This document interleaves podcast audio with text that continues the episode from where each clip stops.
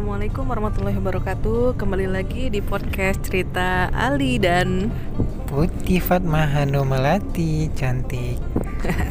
Ya hari ini merupakan hari yang cerah. Kita karena kita mau menyambut tahun baru Islam Tahun baru Hijriah Satu Muharram Di neg salah satu negeri Bisa dibilang serambi Mekahnya uh, Malaysia ya Sebelahan Kelantan dan Terengganu. Nah um, sekarang kita di dalam bus sebenarnya dan sebagian orang sudah mulai tidur jadi kita nggak bisa kuat-kuat ngobrolnya. Ini kita sedang dalam perjalanan menuju Kuala Terengganu dalam rangka dalam rangka untuk mengunjungi guru kita Dr. Adi Setia. Gitu. Ya karena memang rencananya uh, kita kita itu sebenarnya punya keinginan, punya cita-cita, angan-angan pergi ke Terengganu jauh sebelum kita uh, ingin berkunjung ke Dokter Adi Setia atau saat, atau sebelum kita mengenal Dokter Adi Setia dengan baik. Nah, tapi ternyata Allah mudahkan perjalanan ini. Nah, uh, Dokter Adi Setia justru uh, mengoffer kami untuk datang ke tempat beliau. Nah, tempatnya itu uh, di sana ada uh, permaculture.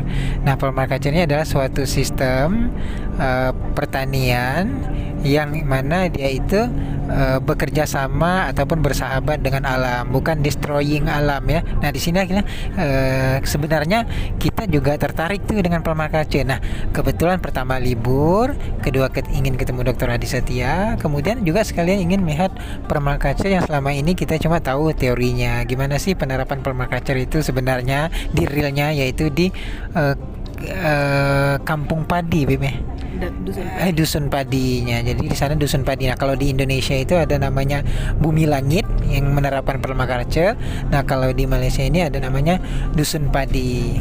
Nah jadi permaculture itu bukan sekadar berkebun tetapi juga um, ada theoretical think Filosofi. thinking filosofisnya. Jadi uh, bertani tapi sekaligus berpikir. Jadi bukan bertani kemudian menghabiskan tenaga and then nggak ada yang dipikirkan.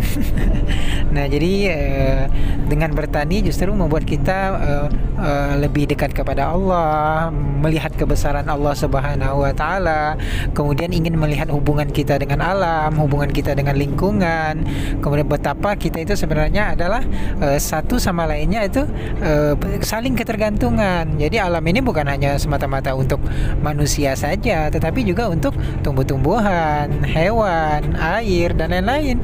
Kita harus menjaga mereka Nah, kalau kita menjaga mereka, mereka juga akan menjaga kita.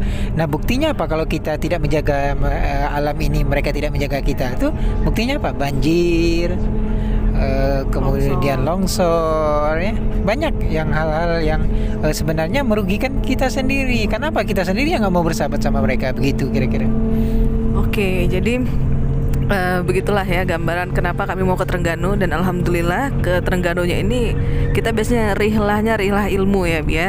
Uh, jadi kita jalan-jalan tapi ada ilmu di sana. Nah, besok itu kita akan ada workshop intensif ya selama dua hari. Jadi hari Kamis dan hari Jumat bareng Dr. Adi Setia.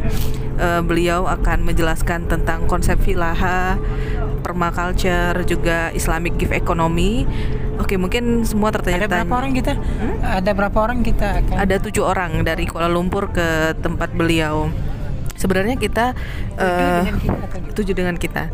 Jadi kita, mungkin ada yang belum tahu siapa itu Dokter Adi Setia. Jadi beliau adalah salah satu um, bu, uh, bukan bukan salah satu, memang beliau yang founder, uh, founder IGE. Apa itu IGE? Islamic Gift Economy atau dalam bahasa Indonesianya ekonomi ihsan ya. Di mana beliau menerapkan ekonomi itu bukan mengadop, bukan adopt atau adopsi dari sistem Barat lalu dicari Islamic view-nya bukan, tapi lebih kepada dari turas langsung ya bagaimana Muslim scholars ya uh, is, uh, apa sih uh, Muslim mana ya? Muslim, Muslim scholar. Ya scholar uh, ulama. Ulama ulama kita yang terdahulu itu bagaimana mereka menjelaskan tentang sistem ekonomi itulah yang kita pengen uh, terapkan seperti itu. Nah, ke kami awalnya itu mulai ketemu beliau dari beberapa bulan sebelum ini. Kita rutin ikut kelas beliau setiap bulannya dan selama MCO, ya selama MCO ini atau selama PSBB ya kalau bahasa Indonesia kita nggak ada kelas gitu kan. Jadi kita tuh lumayan kangen lah sama beliau. Karena masya Allah ya beliau itu sebelum ini datang dari Trengganu ke Kuala Lumpur semata-mata untuk ngasih kelas kita gitu dan itu free of charge ya. Sekarang kita Nah, sekarang kami yang merasakan perjalanan ke Trengganu untuk berjumpa beliau. Ya, beliau masya Allah ya kalau bagi saya sendiri sosok seorang guru yang eh, sungguh-sungguh dalam mengajarkan dan kelihatan gitu ikhlas dan apa ya knowledgeable juga. knowledgeable pasti buku beliau banyak terjemahan beliau banyak Englishnya power gitu ya dan dia memang ngambil bahasa Arab, Bib. Jurusan bahasa Arab nih. Ya, jadi beliau tuh salah satu murid Prof. Alatas ya, Bia. Iya. Dan sebelumnya dosen di IUM. Tapi beliau resign terus fokus di eh, permaculture ini. Jadi pengen mengembangkan konsep IG ini. Masya Allah, alhamdulillah kita excited banget. Sudah dari Januari lalu kita pengen banget ke tempat beliau. Udah ngomong juga sama beliau. Ya, alhamdulillah Allah kasih kesempatan eh, hari ini gitu ya kita berangkat. Nggak nyangka karena kita kan bakal balik ke Indonesia. Apalagi pandemi kita mikir sebelumnya ya nggak ketemu lah gitu ya tapi eh, alhamdulillah lagi-lagi ada rezeki ke sana. Nah, bagaimana cerita di sana? Insya Allah kami akan update terus eh, setiap hari ya Bia sebagai record untuk kita pribadi, sebagai untuk em, kontemplasi Apa? sehingga kontemplasi maksudnya ada perenungan setiap perjalanan kita memang kita itu eh, berusaha untuk keluar rumah itu eh, dalam rangka untuk eh, approve knowledge ya. Ya eh, bukan approve, improve sorry. Jadi kita itu pengen improve knowledge. Eh, bukan sekedar jalan-jalan eh, Ya, biasa. kan? ya rihlah ilmu. Karena begini bisa jadi kalau kita tidak niatkan rihlah itu eh, dalam konsep untuk mendapatkan ilmu maka dia akan menjadi perjalanan yang kosong biasa. Nah dari situ memang harus ada habit. Paham nggak? Ya jadi kita harus membuat habit suasana eh, sudah terekam di eh, pikiran kita. Kalau kita keluar pasti harus ada something yang kita dapatkan. Termasuk ketika kita di mall Bebe kita lihat makanannya melihat eh, model makanannya penyajiannya kemudian eh, keindahan ruangannya. Itu selalu kita record dalam pikiran kita sehingga nanti kita bisa ke- seandainya mereka menampilkan sesuatu yang terbaik kenapa tidak kita amalkan? Kenapa kita tidak terapkan dalam kehidupan kita? Kalau misalkan dalam eh, konsep bisnis kenapa itu tidak kita terapkan dalam bisnis kita? ya. Selagi itu tidak bertentangan. Contohnya kebersihan kerapian mungkin Keindahan. eh, keindahan. Mungkin bagi sebagian eh, restoran-restoran itu dia mungkin ada motif lain selain daripada kebersihan mungkin supaya orang datang. Tapi kita harus menambah nilai value lagi bahwasanya eh, kita harus meniatkan bahwasanya bersih itu karena Allah Subhanahu wa taala yang memerintahkan kita. Sebagian nah daripada- sebagian daripada iman. Tapi selain itu pun memang bersih itu sebuah keperluan.